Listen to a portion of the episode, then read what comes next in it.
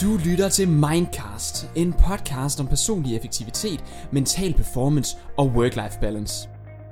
Mit navn er Niels Vium, og jeg arbejder som ledelseskonsulent i Lead Enter Next Level, hvor jeg underviser i, hvad der skal til, for at du som leder eller medarbejder kan performe så godt som overhovedet muligt, samtidig med, at du er nærværende.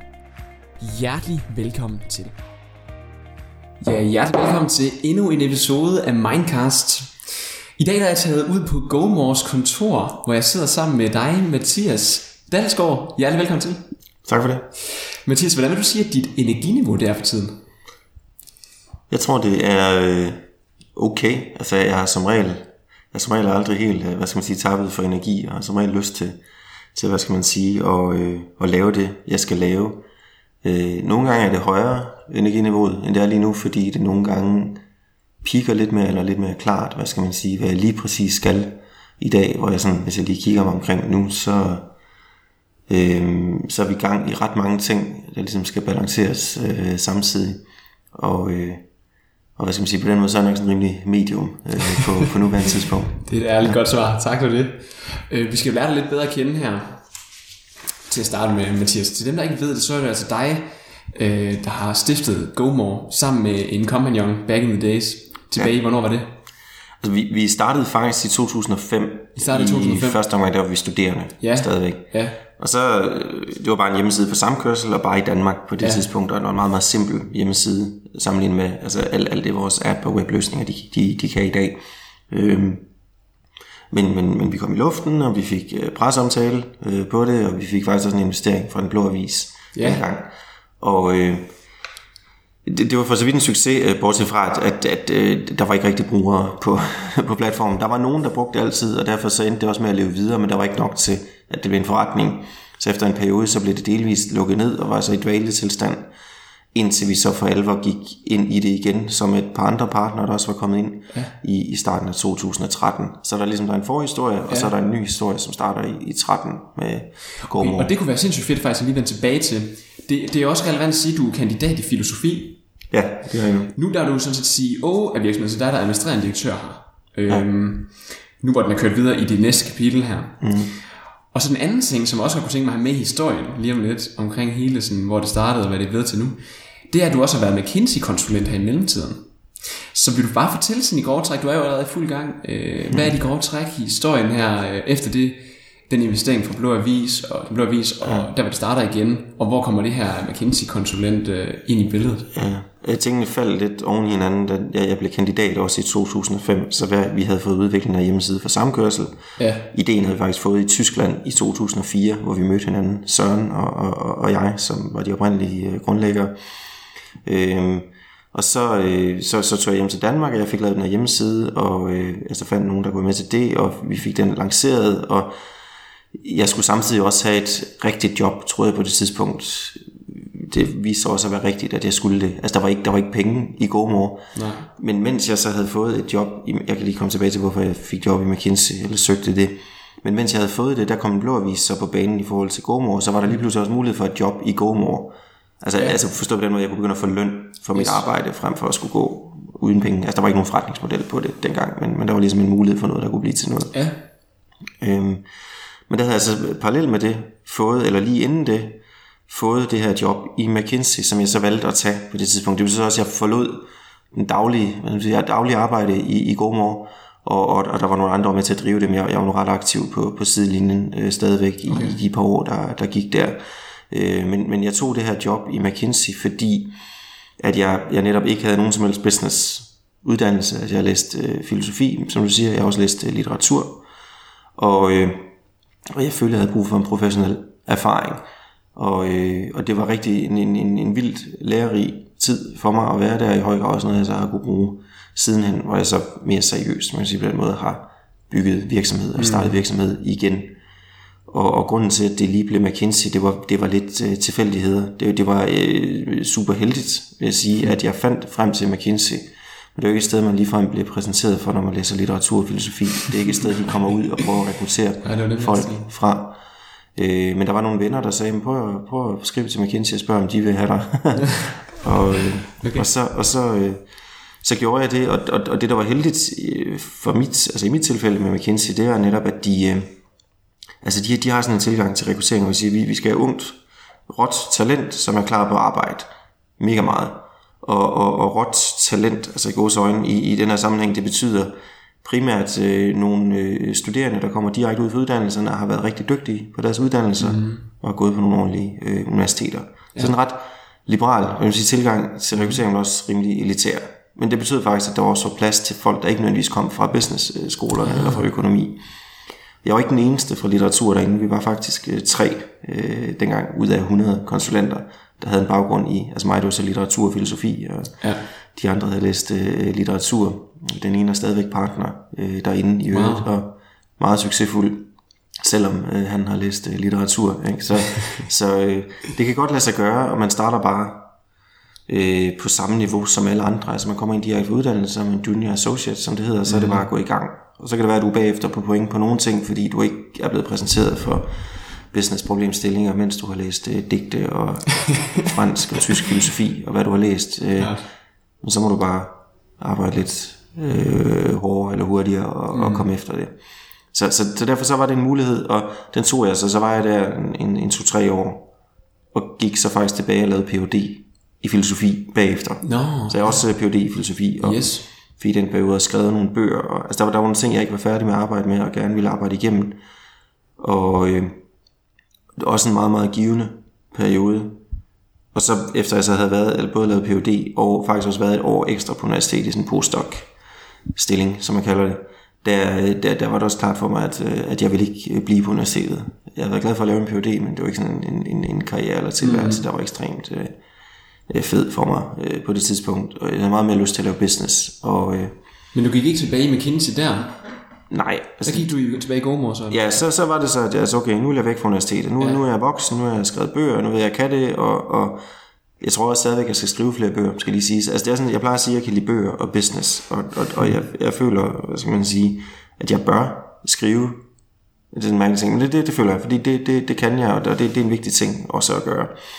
Øh, må se, hvornår jeg får lavet noget ordentligt øh, igen. og, og så som liv, der er business til gengæld godt, vil jeg sige. Man, man skaber ting, og, og den ligner den business, vi taler om her med GoMo, også en kreativ business. Der er både produkter, der er en kommunikation, der er et udtryk, mm. og så er der selvfølgelig også penge og, og, og talsiden af det. Så, og menneskesiden, ikke mindst, altså ledelsesmæssigt og samarbejdsmæssigt, som, som ligesom giver utrolig meget. Alle tingene egentlig gør det, at jeg synes, det er en, det er en fin, øh, fin form for tilværelse. Men ja, jeg gik ikke tilbage i, i McKinsey. Det ved jeg heller ikke, om jeg kunne på det tidspunkt. Nu havde jeg ligesom forladt det. Øh, men derudover så var det heller ikke... Altså, jeg, jeg, jeg kan godt lide at skabe ting. Så, så det var meget mere ideelt for mig at gå tilbage kan man sige, til GoMore. Der opstod en mulighed, fordi det viste, at vi kunne rejse penge til det her nu. Mm. Tiden var moden til det. Oh, ja. Og så, så gik vi øh, fuldtid tre personer der i starten af 13 øh, på det. Hvis den mulighed ikke havde været der, så måtte jeg have fundet noget andet. Og det kunne godt være, at jeg var blevet konsulent igen en periode. Hvis ikke ved McKinsey, så, så et andet sted. Men jeg er ikke så glad for at være konsulent egentlig. Jeg, jeg, jeg er ekstremt, hvad skal man sige, taknemmelig for, for alt det, jeg har lært ved at være konsulent. Altså det der, der lærer man virkelig at være professionel og behandle problemstillinger professionelt og tænke proces og tænke fremad og tænke involvering af utrolig mange stakeholders eller mennesker i, i komplicerede projekter.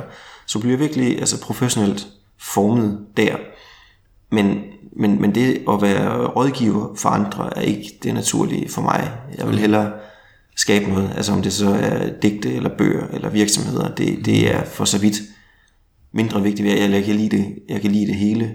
Men, men det er ligesom at være den her rådgiver, der er med på sidelinjen og, og, og, og, og hvad skal man sige, sælger sine timer på den måde. Altså det kan man så nok tjene mega mange penge på det, så, så det, det, er ikke noget, det er ikke nogen dårlig en deal at sælge sine timer på den måde, men det er bare, det, det, det er en form for tilværelse, der egentlig ikke passer særlig godt til mig sådan på lang sigt. Så er det bedre for mig at, at, at skabe nogle ting. Og det virker så nu som om, at du er i rimelig godt i gang med at skabe noget her. Du er i gang med at skabe GoMo. Det virker som om, du har efterhånden også et ret stort forretnings- og ledelsesansvar her. Ja. Øhm, så sådan et uh, klassisk Mindcast-spørgsmål her, det vil være at spørge, jamen, hvad er det egentlig, du gør i hverdagen for at kunne performe øh, til altså de udfordringer, der må være med det arbejde, du sidder i nu? Øhm, og også altså, ligesom være den bedste version af dig selv, også over for dine kolleger, når du møder på arbejde. Gør du, har du nogle bestemte rutiner, øh, vaner øh, i løbet af dagen, også privat, øh, hvis det er, det hjælper dig? Ja, godt spørgsmål. Øhm, altså jeg tror sådan helt grundlæggende, der, det lyder lidt øh, ironisk, og måske er det også et problem i virkeligheden, at jeg gik nok mere op i ledelse for nogle år siden, end jeg gør nu.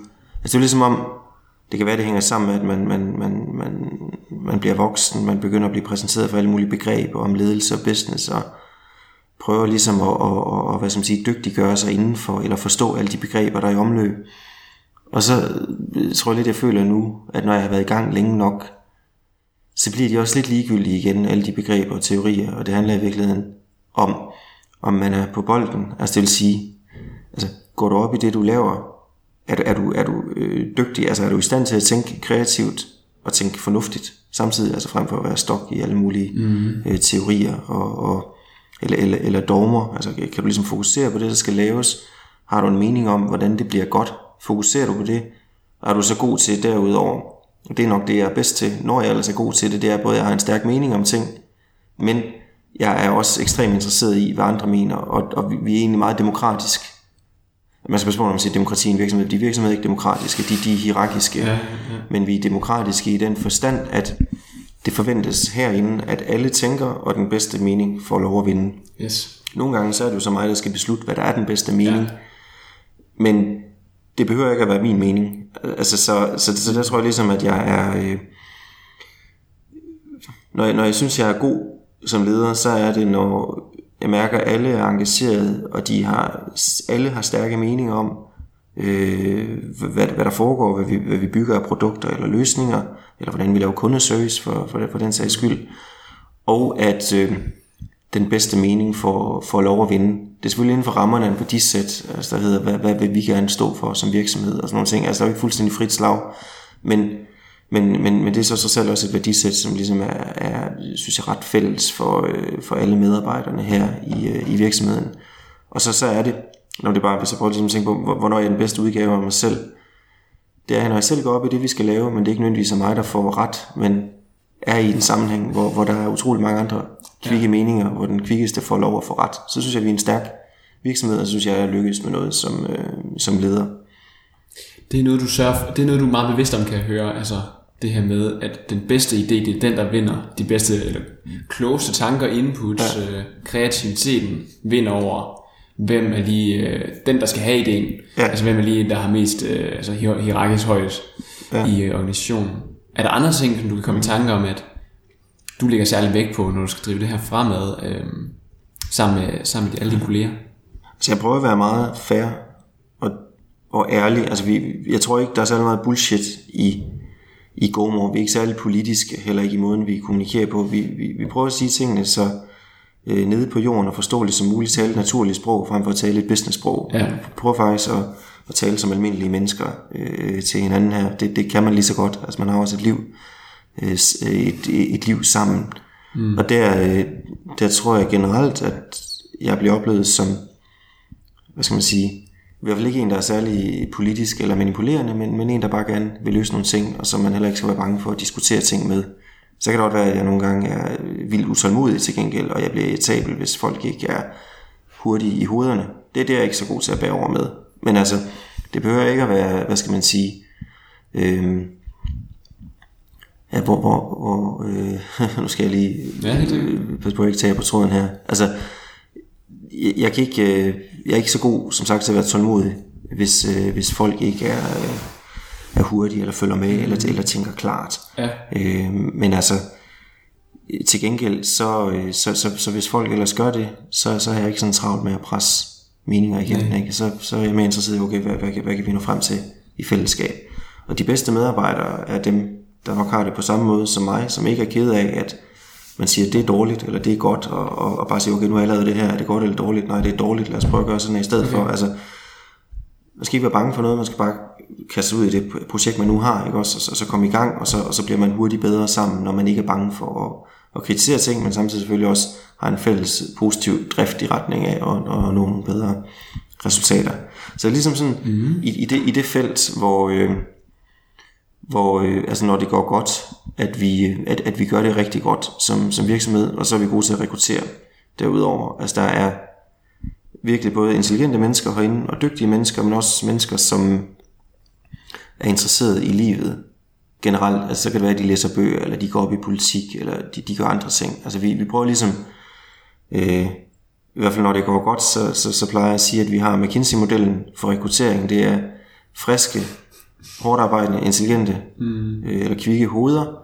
Men derudover lægger vi endnu mere vægt på, øh, at end man ellers gør i mange andre virksomheder, at, at folk faktisk også skal gå op i samfundet, mene noget om de produkter, vi laver, mene om, hvad det, altså, det betyder noget for mennesker, det her, det er mennesker, der interagerer med hinanden. Man skal mene om, hvad der er fair, hvad der er smukt, hvad der er godt, øhm, hvad der er sjovt. Altså ideelt set, så har vi netop altså hele paletten af kvikke hoveder, stærk faglighed, og så også en, en kulturel ballast og, og interesse i samfundet. Det, det, det, det synes jeg, vi lykkes med, øh, og har gjort det faktisk nogle år, at samle en flok mennesker, der, der repræsenterer det. Så det, så det er et sundt miljø, Fedt. vi har, og, og det er også ledelsesmæssigt en af de vigtigste opgaver overhovedet for, for mig, og for det til at lykkes, eller sørge for at lave om på teamet, mm. når jeg siger, okay, nu spiller det ikke af en eller anden grund, og så komme videre, men, men, men på de præmisser. Det er helt vildt spændende, at du også siger tilbage med, øh, med feedback-delen. Altså det der med, når okay, der er en idé her, øh, lad os prøve at snakke lidt om, hvordan du gør noget bestemt. Øhm, og så kan det blive taget imod på mange forskellige måder, men at vi, vi siger det ting, som det er, siger du så. Øhm, det kan jo godt lyde lidt sprængfarligt også. Altså det kan jo godt være, at øh, nu snakker du godt nok om, at de personer, jeg rekrutterer ind, det er nogen, de bedste medarbejdere, siger du, det er dem, der er, er ligesom dig og kan tåle at høre den ja. strenge sandhed, eller den, det hårde, den hårde sandhed måske nogle gange ja. omkring, men det er ikke godt nok det her for eksempel. Eller selvfølgelig omvendt, det er super godt det her. Mm. Så, ved, så ved man også, at det, det menes der også 100%. Ja. Og ikke prøve at pakke tingene for meget ind. Hvad tror du er det, altså hvad tror du her, der er det vigtigste øh, for at lykkes med det? Altså fordi det kan jo godt være, der er andre, der sidder og lytter med derude, som tænker, ja, hvor, altså er du sikker på, at de kan lykkes med det der, hvordan vil vi kunne bruge det samme, uden at det går galt for os? Øh, er det bare en bestemt type mennesker, der kan tåle det så, eller er der en bestemt måde at navigere i det her øh, feedback, for at det virker, selvom det... Ja, jamen, det, det, det, det er et godt spørgsmål. Altså, og det, det vil dreje, om, dreje sig om først og fremmest, det betyder heller ikke, at alle kan lykkes, eller det betyder, at alle kan måske ikke lykkes med det på den måde, og jeg lykkes i øvrigt heller ikke altid med det, jeg skal lige sige. øhm, men det er, at du er nødt til som leder selv at have en, både en, en, en, en vision og en lyst til at lykkes med nogle bestemte ting, også fantasi og bevægelighed i, øh, i hovedet. Altså, altså ellers så at bliver du jo kedelig at snakke mm. med. Altså du, du skal ligesom også selv, du skal selv være dygtig for at kunne indgå i den pingpong, mm. der opstår. Og det er jo ikke alle områder, jeg er lige dygtig indenfor, men altså kommunikation og udtryk og æstetik og så business generelt og sådan noget. Altså det, det, det er områder, hvor jeg tror, jeg navigerer tilpas fleksibelt, så jeg godt kan lave øh, pingpong og sparring med folk, også selvom der er nogen, der er bedre til at udføre nogle bestemte ting, end, øh, end jeg er. Og der er det sådan, hvad skal man sige, hvis jeg ikke var nysgerrig, eller virkelig tændt på, at vi fandt gode løsninger, så vil jeg ikke være sjov i de sammenhænge, eller given i de sammenhænge, så vil jeg måske snarere ligne en eller anden sur leder. Det kan også godt blive nogle gange, ikke? Altså som jeg bare siger, okay, øh, det er ikke særlig godt, øh, nu går vi bare hjem og prøver igen. Det er jo ikke sjovt at få den besked, men, men hvis man til gengæld opdager, eller oplever, undskyld, at der er en lyst til at nå frem til fælles løsninger, når man arbejder yes. på ting, og man oplever, at det her, det handler ikke om mig, det handler om, altså vi er alle sammen på bolden. Vi går ikke ja. efter hinanden, men vi går efter bolden. Hvis du ligesom har den kultur, det er meget vigtigt, der, altså vi skal aldrig gå efter hinanden. Altså vi går altid efter løsningen, ikke? Så, øh, så kan du ofte skabe et rum, hvor, hvor, hvor folk er trygge ved at være. Det, den bedste lærer, jeg nok nogensinde har haft, det var min matematiklærer i gymnasiet, der bare kunne gå ind i en klasse og sige, dem der forventer at få under syv, de sætter sig her og laver noget, dem der forventer for over syv, de sætter sig her og laver noget.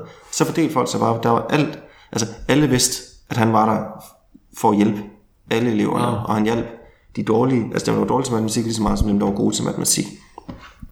Total transparens og ærlighed, det kan du godt opnå, hvis du tror på, at den, der driver det, ved det bedste med det, der bliver lavet. Ikke? Så, så øh, det er ligesom, det, det må jeg så egentlig overveje med mig selv, om jeg hvad skal man sige, i virkeligheden sender det signal, eller måske mere, og det kan jeg godt komme til nogle gange, sender det lidt mere irritabelt signal, bare som, at øh, fuck, nu gad vi ikke snakke med om det her, jeg synes, det var godt, og noget andet var dårligt, og så, altså, så, så mister man den energi og, og, og, og hvad skal man sige, øh, positivitet, som, som, som, som øh, ærligheden og åbenheden kan give, når, når den ellers øh, finder sted på den øh, gode måde.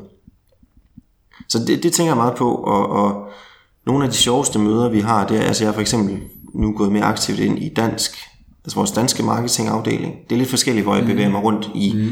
virksomheden, men, men, men lige præcis dansk marketing, fordi Danmark er så vigtig for os, og fordi jeg synes, kommunikation er sjovt, er, er et sted, som, som jeg altså, på en eller anden måde vil have berøring med. Altid, og for tiden er jeg så mere aktiv der, end jeg har været nogle år. Mm. Øh, altså vi, vi er i, i, i en række lande, og, og det er lidt afhængigt af, hvor, hvor der er brug for min øh, indsats. Men, men, men nu, nu, nu øh, arbejder jeg faktisk aktivt med det. Sådan en lille dansk, men virkelig godt marketing-team. Vi har det primært kommunikation og partnerskaber og projekter og sådan noget, der bliver lavet der. Vi kører ikke sådan store dyre kampagner. Øh, for det meste i hvert fald. Og der er det sådan... Øh, altså nu, nu har jeg, jeg har tidligere... Jeg sagde, jeg havde læst litteratur, men jeg har også skrevet bøger. Altså jeg skrev digte. Jeg ville være forfatter, da jeg var øh, helt ung, og øh, har så siden udgivet øh, bøger, godt nok ikke digte, men, men, men andre ting. Og, øh, og noget af det første, jeg gjorde, eller en af de første skoler, jeg var på, hvad det han gik, det var øh, Testrup Højskole, hvor jeg var på et skrivekursus, og øh, altså en forfatterkursus, øh, øh jeg var halvt år på højskole. Og der var der, så kom man med sine tekster, og så diskuterede man bare, okay, hvad virker, hvad virker ikke? Hvad var dårligt, hvad, hvad var banalt? Hvad havde Kant? Hvad sagde noget? Hvad var ligegyldigt? Hvad var... Mm. Det, det, det blev man dygtig at diskutere. Og, øh, og nu, nu prøver jeg sådan i bedste skolelærerstil, og så, sådan en gang om ugen, ikke, så, så, så samler vi det danske kommunikationsteam, der er en 4-5 øh, medarbejdere i alt, som arbejder med kommunikation. Så kigger vi på alt, hvad der er kommet ud på de forskellige kanaler den sidste uge. Nyhedsbreve, Facebook, yes. Twitter, altså hvad, hvad nu er, alle de kanaler, vi publicerer noget på, lysaviser, hvad det er, ikke? Alt, hvad der er sprog, der er kommet ud fra GoMore, der gør vi, så går vi igennem alle sammen. Alle tingene siger, okay, det der var det godt. Er noget, vi er stolte af. Gør det også til en kreativ virksomhed? Er det, gør det også til en virksomhed, man har lyst til at, virksomhed, øh, ly, øh, lyst til at høre fra? Mm. Eller gør det også til en øh, banal virksomhed, der lyder ligesom alle andre? Mm. Så sidder vi og diskuterer det. Og øh, det er ekstremt lærerigt. Og, og meget mere lærerigt, end at sidde og lægge alle mulige... Øh, øh, hvad skal man sige, kommunikationsplaner for det kommende halve år. Fordi når vi har været igennem det materiale, så går det egentlig meget hurtigt, og så siger vi, okay, hvad er det egentlig, vi skal kommunikere om i næste uge? Det er så de her fem ting, eller hvad det er, ikke? Du tager nyhedsbrevet, du tager Facebook, du tager Twitter, du tager de forskellige, altså, vi, der, der kører ret, ret, ret mange forskellige breve til forskellige segmenter fra os, sådan, ikke? men altså, okay, det er paletten, og der er det her projekt. Godt, kør løs. Så kan det være, at der er nogle iterationer undervejs, men, men, men der, hvor man for alvor lærer noget, det er egentlig, når du sidder og retter kommaerne og ordene i det, der kom ud i sidste ja. uge. Og der er ikke noget, der er vigtigere. Det, det tror jeg er ret vigtigt for, hvis, hvis jeg er inspirerende som leder nogle gange, så er det faktisk fordi, at jeg, eller så er det også fordi, at jeg virkelig går op i det sidste komma, som ryger ud på en Facebook-post, eller et nyhedsbrev, eller noget som helst andet. Og, og man kan også spørge, hvorfor går du op i det? Du skal jo gå op i alle mulige struktur og ledelse. Det, det, det skal jeg overhovedet ikke. Jeg skal, jeg skal gå op i det, som brugerne ja, ja. ser. Ja. For det er det, vi er. Altså vi er ikke andet som virksomhed, end det, som, som brugerne, øh, eller mennesker, kan man sige, mm. møder fra os. Det er det allervigtigste. At man ligesom oplever, okay, det bliver der virkelig gået op i her, og, og man bliver virkelig øh, øh, belønnet for at, øh, for at øh, være god til det, og, og brænde for det, så, øh, så skaber det en, en, en kultur af, af begejstring og, og, øh, og kreativitet, som, ja, som, som, som er, er hvad skal man sige, noget af det allervigtigste, mm. synes jeg, i, i gode år, som, som vi har opnået. Fedt. Jeg kan jo næsten forstå på det hele, at øh, du har truffet en del sådan, bevidste valg øh, i løbet af karrieren her med, så skulle du læse litteratur på bacheloren rigtigt. Mm. Og på kandidaten filosofi og Ph.D. også lidt frem og tilbage med McKinsey der. Skulle du være konsulent igen? Skulle du skabe noget? Øhm, alt sammen, mens at du dybest set har været i, hvad vi alle sammen er i netop den her performancekultur, som vi efterhånden kan kalde Danmark i hvert fald er, og Vesten generelt mere og mere. Øh, det er jo alt efter, hvordan man ser på det, men og hvordan man, hvordan man går til det her. Men mit spørgsmål til dig er, hvad vil være dit bedste råd til at begå sig i en performancekultur? Ja, altså først og fremmest så skal man gerne øh, lave en masse meget hurtigt, uden for mange fejl og med rigtig gode resultater. Det er lidt, jeg, jeg, jeg pjatter. Altså, det er jo det, det vil sige, ja, performance. Præcis. Og spørgsmålet er, øh, hvordan udvikler man sig i den kultur? Og, og der, der kan man sige, øh, at der er to veje, at der er nok mange veje at gå, men man kan sige, en ting er, øh, forstå alle de businessbegreber og ledelsesbegreber, der er i omløb, og, øh, og finde ud af at navigere i det, tage inspiration fra dem, du ser er dygtige, lære, hvad det er for et sprog, der tales, blive god til at navigere i blive god til at begå dig i det. Alt det. Men det er jo det, man gør, når man, når man prøver ligesom at enten efterabe eller tilegne sig kulturen et sted, mm. hvor, hvor man skal performe. Øh, så, så, så hvad skal man sige, det er jeg ikke så bange for, at folk ikke gør den slags. Til gengæld så vil jeg sige, sørg for at øh, lave nogle andre ting, øh, læs nogle bøger, der har noget andet sprog end performance-sproget. Fordi ellers så kan du ikke placere performance-sproget over tid. Altså hvis du ikke har noget at placere det i forhold til, så bliver du øh, låst i det. Altså du dør af iltmangel i det. Du kommer bare til at lyde som en gramofonplade og, og, og går i stå med dig selv. Så jeg er ikke så bange for, at folk ikke er i stand til at tilegne sig performance, hvad skal man sige, vokabularet, altså mm. enten du er McKinsey-konsulent eller hvad du er. Det er den stærlige måde, man taler på, og det skal du nok lære, mens du er der. Men mere spørgsmål om, om du, bevarer, om du bevarer en sproglig og intellektuel rigdom derudover. For mig at se, der, der gør, at du kan blive ved med at tænke i virkeligheden klart og også pragmatisk, frem for at du bliver der er faktisk altid en tendens til, at man bliver dogmatisk inden for en bestemt måde at tænke mm. på. Så, så begynder man at sige det samme hele tiden, og tænke det samme hele tiden. Og det er faktisk ikke sikkert, at du tænker særlig klart der, hvis du ikke ligesom hele tiden også har en, en føling med, hvor resten af verden er henne, og hvordan kunne man tænke større eller friere i forhold til det her. Så, så i performancekultur oplever jeg ofte, at man møder mennesker, de er faktisk ikke særlig pragmatiske.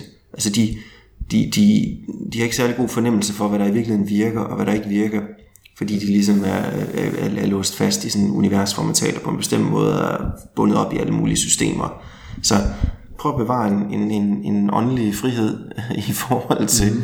det sprog, som tales i, i performancekulturen, og gør det ved at læse.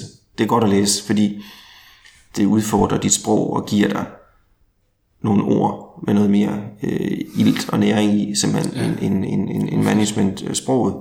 Men der er jo mange andre ting, du også skal gøre. Du skal dyrke sport, du skal spise noget sund mad, ikke sådan nogle helsesalat og pisser, fordi du skal spise noget ordentligt, altså noget, noget der smager, noget, ja. noget der har lidt substans. Ja. Og øh, du skal møde dine venner. Du skal også være sammen med familie og sådan noget. Alle siger, at man skal være sammen med familie, så det behøver jeg heller ikke gentage, det, det skal man. Men man skal faktisk også huske at have venner, og altså der, øh, hvad skal man sige, der, der, der er en type liv der, som vi ikke er så gode til at huske. Mm. Bemærker jeg også hos mig selv nogle gange, mm. når jeg vokser og bliver ældre, som... Øh, hvad skal man sige, her i Norden og i Danmark er det ikke noget, vi har særlig stærke begreber for. Venner, det er meget sådan noget, man har, når man er ung, og hænger ud med dem og drikker masser af øl i teenageårene, ikke? og så går det lidt over, og så bliver man gift, og så får man job, og man kan, yes. ikke, lide, man kan ikke lide nogen af delene, ja. og sådan noget, ikke? Det er ikke så godt. Man skal faktisk, ja. altså det er ret mange ting, man er nødt til at blive ved med, og, øh, og, og at dyrke og, og værdsætte, hvis du ikke skal øh, skrumpe ind og miste. Altså, så du, øh, altså, jeg synes, af mange gode grunde, så skal du holde dig selv i live i forskellige dimensioner, som jeg siger her. Men altså, det allermest primitive argument for, at du skal gøre det, det er, at du går i stå. Alligevel, så kan du heller ikke være god på dit job alligevel. Så det er man faktisk nødt til. Og det, er, og det, og det jeg siger nogle gange, også hvis jeg snakker om stress med, med medarbejdere her, jeg har også selv oplevet at være stresset og have, have arbejdet for, jeg ved ikke om jeg arbejder for hårdt, jeg bliver i hvert fald stresset. Det er bare, at løsningen på det er ikke nødvendigvis at holde fri. Løsningen er at være interesseret i nogle andre ting end arbejde. Altså det kan være, at du skal holde fri fra dit arbejde, men løsningen er ikke nødvendigvis at sidde og kigge ud i luften og blive ja. tom i hovedet. Løsningen er snarere at få noget fylde mm. i hovedet, som er noget andet end dit arbejde. Og igen, kan du læse, kan du lytte til musik og være glad for det. Kan du gå en tur og være glad for det. Altså det er sådan nogle ting der, som, som, som i virkeligheden wow. hjælper dig frem for, altså når man snakker work-life balance og sådan nogle ting der, så er det ofte et eller andet, så skal du arbejde hårdt, så skal du huske at lade være at lave noget i en periode, mm. hvor begge dele er lige, lige meningsløse. Altså, der, der, der, der er du nødt til at have et rigt liv i det hele taget, for at være fungerende som menneske og som kærester, som borger i et øh, samfund. Altså alt det, det nu Mega fedt. Øh, kræver af dig. Det lyder som om, det, altså, du går lidt op med den her tanke om, at Nå, så skal vi bare holde fri så, og så kommer vi til at få det bedre i vores hoved, fordi så får vi ligesom tømt hovedet for arbejde. Men, men analogien, som du nærmest går over i her, det er jo, mm. at jamen for at få tømt hovedet for arbejde, så er du nødt til at fylde på med noget andet. Fordi det bliver ikke bare tømt, fordi hvis du sidder og tænker på ingenting, det kan du ikke. Så kommer du til at tænke om det sidste, du har ja. beskæftiget dig med rigtig meget, som jo er dit arbejde, i stedet for noget andet, der kan fylde på. Jamen det, det, det, er, det er helt rigtigt. Altså, det, det har altid været et, et, et magert begreb, altså work-life balance. Mm. Jamen, det, jamen, det, og ja, jeg har aldrig kunne ja, lide det. Altså, sådan, det, det, det, det er sådan noget management-pis. Altså, nej, der, den, det, det er ikke, ja, du skal ikke altid være på arbejde. Mm. Okay, så, så langt køber jeg den. Der skal være en balance. Mm. Men altså, spørgsmålet er i virkeligheden, om, om du er øh, nysgerrig og til stede og føler, at, at livet har mening eller rigdom øh, i det hele taget, i alt hvad du laver. Og det handler ikke om, at du skal lave ingenting. Det handler snarere om, at du skal lave nogle flere ting, men nogle ting, der har værdi. Jeg kan ikke, altså, bare holde fri, det er også noget mærkeligt noget. Altså, ja. hvad, altså, hvad betyder det? Ja, så sidder man der. Det er meget sjovt, du siger det. Jeg vil sige, work-life balance, altså balance mellem, og direkte oversat, så er det jo mellem livet mm. Og, og arbejdet. Og der mener jeg jo godt, at man kan tolke det som, at når man, hvad, så, hvad betyder det så, den del med livet? Hvad er det så? Hvis det er at fylde på med alle mulige fede nuancer, som ikke har med arbejde at gøre, men som har nogle andre fede ting at gøre. Det kunne være at læse i en bog, det kunne være at gå en tur og dyrke sport. De ting. Jeg tror, det er det, jeg mener, man skal finde balancen imellem. Mm. Så du ikke kun, øh, ja, du skal i hvert fald ikke kun arbejde og holde fri, fri, altså hvor du sidder og ser Netflix hele din fritid, men at lave noget andet. Så tror jeg faktisk, vi er fuldstændig enige om. Jeg tror, det kommer ind på, hvordan man definerer work-life balance, typisk set. Der er også mange, der efterhånden vil gøre op med den allerede gamle begreb her. Øhm, jeg hopper videre til næste spørgsmål. Mm. Øhm, hvor, skråstreg hvordan, finder du så ro til, øhm, i din balance her, hvis vi stadig skal bruge det ord, øhm, til store tanker, til en eller anden form for afslappning, tager du nogle steder hen, øhm, altså hvordan gør du noget bestemt, kommer du væk øh, for at kunne trives også her? Ja, jeg, jeg, jeg gør mange ting. Jeg, øh, jeg prøver at lade være at arbejde hele dagen. Altså for eksempel også finde tid til at læse i løbet af en dag. Mm. Det sker ikke altid. Jo, det sker altid lige inden jeg skal sove. Men nogle gange så er det måske 5 minutter, jeg får læst. Ja. Men det er mere et spørgsmål om ja. at være i, og det er faktisk fint med 5 minutter. Jeg, jeg læste ekstremt meget tidligere, altså jeg lavede ikke andet end at læse bøger i 10 år, for jeg var 20 til jeg var 30 okay. cirka, og så altså nu, øh, lige med et afbræk, da jeg var ved McKinsey og sådan ja. altså, nå, men øh, nu, nu noget andet, men, men altså mit tidsforbrug på det er noget andet, men, men åndeligt set kan det godt være det samme. Det er spørgsmål om berøring med, med, med en verden, der har et rigere sprog eller udtryk, og, og det kan man ikke godt klare indimellem, uden at bruge så meget tid på det. Det er med spørgsmålet, er okay, er jeg til stede i det, eller har jeg ligesom mistet forbindelsen til et rigere sprog, når sige på den måde. Mm. Men, men, men så er der jo andre ting, som jeg gør. Altså, jeg, jeg sørger for at dyrke sport. Jeg spiller fodbold et par gange om ugen. En til to gange om ugen med, med venner, indendørs fodbold. Fedt. Det, det, det elsker jeg. Altså det er leg, og man går op i det, og man glemmer alt andet, øh, mens man gør det. Sådan ting er ekstremt vigtige. Går i fitnesscenter, ikke, ikke voldsomt øh, øh, aktivt, men, men gør det. Og øh, der, der, der er nogle helt fysiske, altså simple ting der, som man er nødt til at, at, at tage vare på. Så tager jeg, øh, jeg tager i sommerhus indimellem. Jeg har et sommerhus. Mm. Tager op med min kæreste. I, øh, det er oppe ved Skagen. Jeg har et sommerhus deroppe. Mm.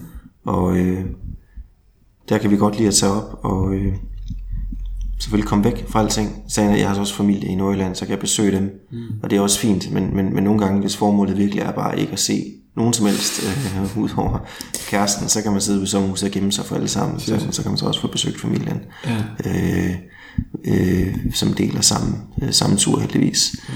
Og så, så øh,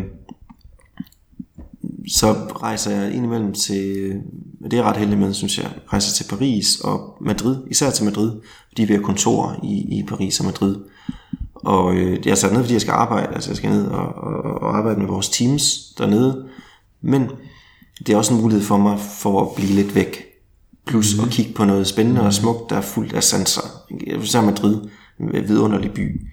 Stor, kongelig, spansk, øh, smuk, grøn faktisk, samtidig med at den har små, hyggelige gader, hvor der er fyldt med tapasbar, fyldt med spanske mennesker, øh, eller spanier, øh, til, til langt ud på, på aftenen, og altså de lukker først over midnat, de der bar, og mm. meget summende liv og en god stemning, og øh, maden smager virkelig af noget, og skal man få et glas svin ud på aftenen. Jeg tænker, okay, nu kobler jeg af, og jeg får nogle andre indtryk. Det kan være, at jeg har en bog med ned, sidder og læser, øh, eller bare går rundt og kigger på byen. Altså det er sådan, der er en mulighed for at gemme mig der. Jeg det kan også være, at jeg løber en tur i løbet af dagen, ikke? men sådan ligesom om aftenen, så, øh, så kan jeg gemme mig lidt dernede, og det passer mig faktisk øh, rigtig godt. Og netop altså gemme sig et sted, hvor, øh, hvor både altså, jeg kan blive væk på den måde, at, at jeg skal ikke møde andre mennesker der, men jeg er samtidig blandt mennesker, i et, altså det er fyldt af sansindtryk, og netop altså noget, der giver inspiration, altså frem for noget, der bare, hvad skal man sige, er at holde fri ingenting, så er det faktisk sjovere for mig, det at holde fri midt i det her øh, fantastiske liv, man har i, øh, i Madrid. Fedt. Det lyder som nogle fede steder, du tager hen. Og det er også Madrid, det kan jeg anbefale. Det kan du, jeg har faktisk aldrig været der. Jamen det er der ingen danskere, der har. Nej, de tager til, Barcelona. Ja. Og det er fint nok. Der er jo ikke, det er jo ikke, det er faktisk ikke noget galt med Barcelona. Jo, du har en klar holdning til, at det ikke skal være Barcelona. Ja, men det er jo faktisk bare fordi, det er mærkeligt, at man ikke har forstået, at Madrid er så meget større, coolere og federe. Ja. Men det er jo faktisk ikke, det er jo faktisk ikke Barcelonas problem. Det er bare øh, pudsigt, at det er sådan. Fantastisk by Madrid. Den har ikke stranden, så derfor det er ikke et sted at holde ferie, det er et sted at leve. Okay. Spanien, de forlader også selv Madrid, når de ja. kommer afsted med det ja. i weekenden og ferierne, ja. ud til vandet. Men sådan hverdagsliv... Der er stadig tapas og rødvin. Ja, og, ja, ja, ja, det er en øh, stor, stor, øh, stor by, hvad bor der? 3-5 millioner eller sådan noget i alt, mm. ikke? Sådan meget levende. Fedt. Altså, du kan mærke, det er efterhånden nogle dybere og dybere spørgsmål, der kommer her. Nu måske den dybeste, jeg nogensinde har stillet i hele podcasten, øh, selvom jeg har haft øh, 77-78 gæster med. Er der forskel mellem livskvalitet og mening? Og hvis der er det, hvad er så forskellen? Jamen det er der, det kan jeg godt gå i gang med at definere ud i det blå. Det kan være, det jeg får sagt er forkert, men jeg kan sagtens gå i gang, og så må vi se, hvor jeg lander. Men før jeg gør det, hvad får dig til at spørge? Oh. øh, jeg får, det for mig, jeg, det grund til, at jeg spørger, er, at øh, jeg tror faktisk, det er fordi, jeg har læst Brinkmans øh, ståstederbog. Okay. Svend Brinkmann. Øh, der på mange måder gør op med hele den her netop performancekulturen. Øh, og det med, at det handler om at få så meget som muligt ud af livet, tankegangen. Øhm, jeg tror i hvert fald, der er rigtig mange mennesker, inklusive mig selv, som tit tænker over, at det handler om at få så meget, så meget livskvalitet som overhovedet muligt. Mm. Og det tror jeg langt hen ad vejen også kan være rigtigt og, og godt øh, for mange. Øhm, men så lige pludselig kommer det her andet element ind, som handler om mening i sig selv. Ja. Og øhm, det kan jo så lige pludselig handle om, som vidt som jeg har forstået, andre ting end livskvaliteten. Altså, at det ikke er så glad som muligt, men så meningsfuldt som muligt. Det er derfor, jeg vil spørge dig, hvad tænker du om det? Ja, men det er også fuldstændig rigtigt. Øh, man er bare nødt til at kalde det ånd. Ja. Selvom det er et gammelt og svært begreb, men, men, men ånd er faktisk et bedre udtryk for det end okay. mening. Okay. Ja, det kan man altså. Mening er også ja. fint, men, men, men, men ånd, det, det rammer dybere i, altså det kan være grunden til, at øh, Svend Brinkmann ikke, ikke bruger det, at det alligevel er for, for svært at placere. Det er lidt nemmere at tale om mening. Og det, og det kan være, at det er rigtig fornuftigt af ham. Øhm, men øh, man sige, livskvalitet, altså for mig, det kan jo defineres på en milliard måder, ja, ikke også? Men altså, hvis man nu definerer det på den måde, det er lidt af sådan en komfort perspektiv, ikke? som er, okay, øh, bor du et pænt sted, tager du på nogle lækre ferie, har du en pæn bil, har du et job, du kan være stolt af, laver du nogle lidt lækre ting i din øh, fritid generelt, og, og har du en, en, øh, en, en øh, lækker, eller i hvert fald en sød kæreste, og altså ligesom, altså, du, du kan jo godt have sådan en palette, hvad skal man sige, perspektiv på det, hvor du er, er, er lige så langt nede i, i niveau, altså intellektuelt, som når man taler work-life balance, på den, på den dumme måde. Os sige, det kan tales om på klog måde og på dumme måde. Hvor den dumme måde, det er lidt, om du skal sådan have lidt af det hele, så er alt godt. Ja. Fuck you. Altså, det, det, man skal ikke have lidt af det hele. Man kan også bare få ingenting, hvis det skal være. Så gengæld så er spørgsmålet, har du ånd? Altså, det, det er et meget mere vigtigt spørgsmål. Og, og hvad vil ånd sige? Det vil sige, ja, det er så det, der er umuligt at definere, men nu, nu kan jeg prøve at sige noget om ja. det. Ikke? Der er en måde at sige det på, det er, har livet mening? Altså det er derfor, eller findes der, ser du en mening i det, du laver? Ser du en sammenhæng? Det er en måde at tale om det på, men der er også en måde at tale om, altså der, der er en fantasidimension af det også. Altså kan du tænke ud af den kontekst, du er i. Altså, hvis vi taler om livskvalitet, som okay, du bor et sted, du arbejder et sted, du har en bil, du har nogle børn, du har nogle, ikke? Og det er sådan hele pakken. Men har du i virkeligheden en fantasi? Altså, er du tilpas meget menneske til, at du kan bevæge dig frit i forhold til, til de her ting? Altså, har du et overskud? Altså, ånd er i virkeligheden et overskudsbegreb, og det er også derfor, det er umuligt at definere. For det, det er det, der ligesom stikker ud over, at vi er andet end sådan nogle praktiske dyr, der bare bevæger os i de her forskellige sådan, jeg sige, praktiske sfærer. Mm. Men, men, men at, at, at, at vi har en overlægger, der gør, at, at, at vi kan at, at vi kan tænke større eller tænke frit i forhold til det. Og der begynder det at blive vigtigt, at du enten har religion eller sprog eller kunst med, som faktisk noget, der, der rykker dig fri i forhold til det praktiske og sætter fantasien i bevægelse, og faktisk også gør, at du kan møde mennesker på en fri måde. Altså lad os, lad os sige, hvis, hvis, hvis der ikke var ånd i din og min relation her, så var du en, der interviewede, og jeg var en, der svarede på nogle spørgsmål, og vi havde egentlig ikke nogen forbindelse derudover. Sagen er, at vi også godt kan grine af det, vi siger. For eksempel humor er også et udtryk for ånd. Okay, ja. Fordi vi har en, hvad skal man sige, også en fælles forståelse, der ligger ud over det direkte bogstavelige, som jeg nu sidder her for at sagt, og som sandsynligvis også er forkert. Det meste af det, men alligevel så har vi en eller anden fælles forståelse af, at vi prøver at nå hinanden og prøver som mennesker at kommunikere. Som, som, og det, og det, det er faktisk noget, der er større end, end den direkte, mm. øh, hvad skal man sige, bogstavelige øh, relation, eller de, direkte bogstaveligt øh, sagte.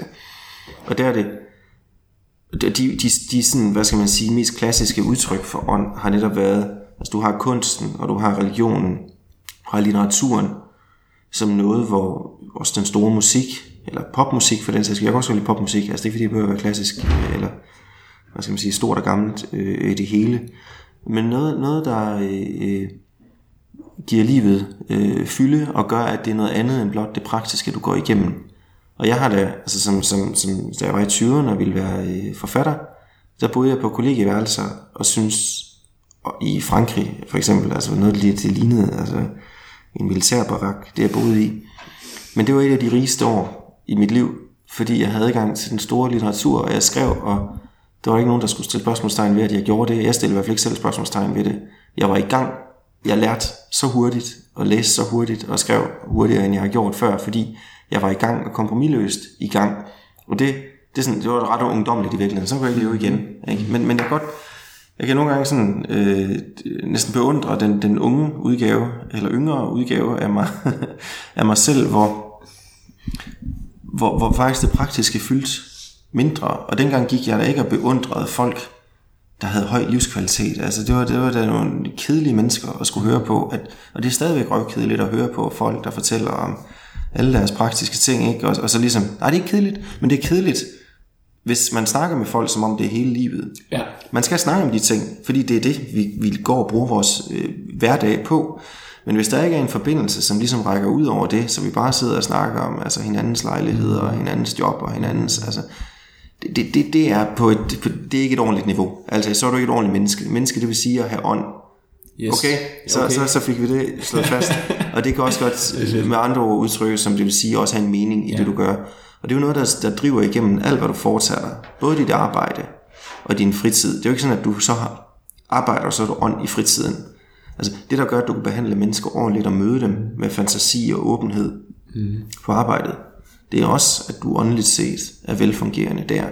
Så altså, det, det, det, det rækker lidt tilbage til nogle af de ting, jeg sagde før, at jeg gerne vil have, at mennesker, de er, også dem vi arbejder sammen med her i Gårdmor, de, de tænker selv. De er bevægelige, de har meninger, de, de har et liv, som er, er selvfølgelig selvstændigt og rækker langt ud over det arbejde, vi udfører her, men så samtidig så arbejder vi hårdt på at lave noget. Ikke? Og hvis du ligesom har både ånd og, og det hårde arbejde, så har du egentlig en sjov hverdag. Også fordi så er det hårdt arbejde, så bliver det ikke bare hårdt arbejde, så er det snarere en aktivitet, hvor, hvor, hvor, hvor du også har et fællesskab, øh, øh, mens du mens du laver noget. Fedt. godt svar. jeg ved ikke, om det var godt svar. Det, var, sige. det er jo sjovt, det var svar i dag. Det er sjovt, at du sidder og snakker om noget, som man ikke kan snakke om på et eller andet sted. Mm. Jamen det kan man ikke, og det, det er derfor, at øh, det er derfor, man har forsøgt at definere det i ja. 2.000 år eller 3.000 år, og det er derfor, vi har de, de store religioner, den store mm. kunst, den store musik, mm. for at prøve at udtrykke det, som ikke bare kan udtrykkes, men, men heldigvis så er det jo noget, vi Det kan også bare være en god film. Der laves jo fantastiske mm. film og fantastiske serier for den sags skyld for tiden. Altså noget af det bedste kunst, der bliver lavet, er jo, er jo de store film eller tv-serier for tiden. Og, og, og der, alle mennesker kender jo godt den følelse af inspiration, eller lykke, eller storhed, eller et eller andet. Altså det, det kan give sig til udtryk på mange, mange måder, ikke? men som det kan give at møde noget, der åbner din verden op. Og det, det, kan, det kan kunst, og, og, og altså nu øh, i dag i høj grad være noget, som, som de gode film øh, bidrager til. Vi vil være noget til vejs ende. Jeg har lige sådan et par altså standardspørgsmål også. Øhm, og det er jo sjovt, for så går vi totalt op til overfladen igen i forhold til, hvor vi bevæger os hen nu. Ja. Øhm, men det kommer jo også an på, hvad du så svarer til det her spørgsmål om, hvis du skulle give et enkelt håndgribeligt værktøj, som lytteren derude kan gå ud og, og benytte sig af, eller tænke over, eller ja, bruge i en eller anden forstand, når de har lyttet færdigt her, til altså noget mere effektiv, men i en meget bred forstand. Hvad skulle det så være? Øhm, læs en god bog, der ikke handler om business. Yes. Så kommer du til at tænke mere klart i business. Wow. Fedt. Hvis du skulle anbefale en gæst, som jeg skulle have med her i podcasten, ligesom du har siddet ja. nu og snakket lidt med mig, hvem skulle det så være, du synes skulle være inspirerende at lytte til? Øhm, ja, der er mange forskellige, man kunne finde på. Der er en, øh, en teolog, som hedder Pia Søltoft, som mm. jeg har arbejdet sammen med, og har haft forskellige ting med at gøre igennem tiden. Jeg har skrevet om, om Søren Kierkegaard, hun har været øh, lektor i mange år på Søren Kierkegaard Centeret, er nu teolog og, og skriver bøger. Øh, hun er præst nu og skriver bøger og skriver blandt andet om ledelse, men med en baggrund i teologi og kirkegård. Fedt. Og hun er en øh, fornuftig kvinde at tale med. Så jeg tænkte, det kunne måske være interessant Oplagt. for dig at, at fortælle. Mega interessant. Pia. Ja. Hende vil jeg prøve at fat i. Hvad med dig, hvis man nu er interesseret i mere for dig, følge dig på en eller anden måde, finde, uh, dig, finde GoMore, hvor vil man uh, klikke ind hen? Ja, man, skal, man skal primært finde uh, GoMore. Jeg er faktisk selv det er ikke sådan et super bevidst valg, men altså trukket mig mere og mere tilbage mm. fra de mhm. sociale medier. Okay. Bare fordi jeg synes, det blev mere og mere kedeligt. Altså det var ikke, sådan, det var ikke et, et valg øh, for mig, men, men mm. det, ja, det ved jeg ikke. De har måske haft deres 10 år, nogle af platformene, og, og øh, lige nu er jeg et sted, hvor jeg hellere læser rigtige aviser. Og vil også hellere skrive nogle, jeg tror, jeg skal skrive nogle ting igen. Mm. Så jeg vil også godt skrive mm. nogle ting, er lidt mere, hvad skal man sige, øh, øh, blivende mm. øh, værdi, end, end, end at bruge tid på sociale medier. Så, så jeg tror ikke, man kommer til at høre så meget fra mig på sociale medier i den kommende tid. Men GoMore er selvfølgelig til stede. Man skal bare, man skal bare gå ind på gomore.dk øh, eller downloade vores app og sign op til vores nyhedsbreve. Eller man skal bare sign op, så får man vores nyhedsbreve. De er sjove. Øh, så hører man lidt fra mig, fordi... Nå, der er du ind over nogle Ja, jeg er faktisk med ind over. Okay. Og, øh, Fedt. Og, øh, og ellers så kan man gå på Facebook eller Twitter og, og følge øh, GoMore. Men, men jeg tror fra mig selv, der prøver jeg at lade være at bruge for meget tid på sådan nogle ting, men håber til gengæld inden alt for længe at kunne vende tilbage med noget øh, i bogform. Fedt. Lad, lad det være en teaser for lytteren så til dem, der lytter med. Og dem, der stadigvæk er meget nysgerrige på, hvordan man kan få nogle input fra dig, bliver så nødt til at simpelthen gå ind og sign op til det nyhedsbrev. For der, det er jo der nærmest en ens kommunikationskanal, hvor online lyder det som om, man kommer ud. Ja, ellers så må man indimellem, så er jeg i en avis. Eller sådan. Okay, ja. så, kan det, så kan det være, at få sagt noget. Ja. Så kan det være, at få sagt nogle, nogle ting der. Øh, ja, så faktisk noget, har du et eller andet på falderæbet her, hvor du tænker, det var en vigtig, vigtig pointe lige at få med, eller andet du vil ønske, du noget at sige her til sidst, inden vi uh, cutter den for i dag. Har du et eller andet her til sidst? Nej, jeg tror, jeg, tror, jeg har fået sagt øh, nok øh, skøre ting. Øh, måske vi stopper her. Øh, det var sjovt at tale med dig. I lige måde. Tusind tak, fordi du gad at deltage i det interview. Mm, selv mange tak. Så der lytter med derude, inde på Mindcast.dk kan du selvfølgelig finde øh, lidt nærmere beskrevet det her værktøj med at læse en bog, hvad der egentlig ligger i det i forhold til netop at koble dig fra det, du egentlig altså sidder med dagligt, og så får også at kunne zoome tilbage på det bagefter. Øhm, og ellers må du bare have en helt fantastisk uge til at ved igen på næste torsdag. 哎。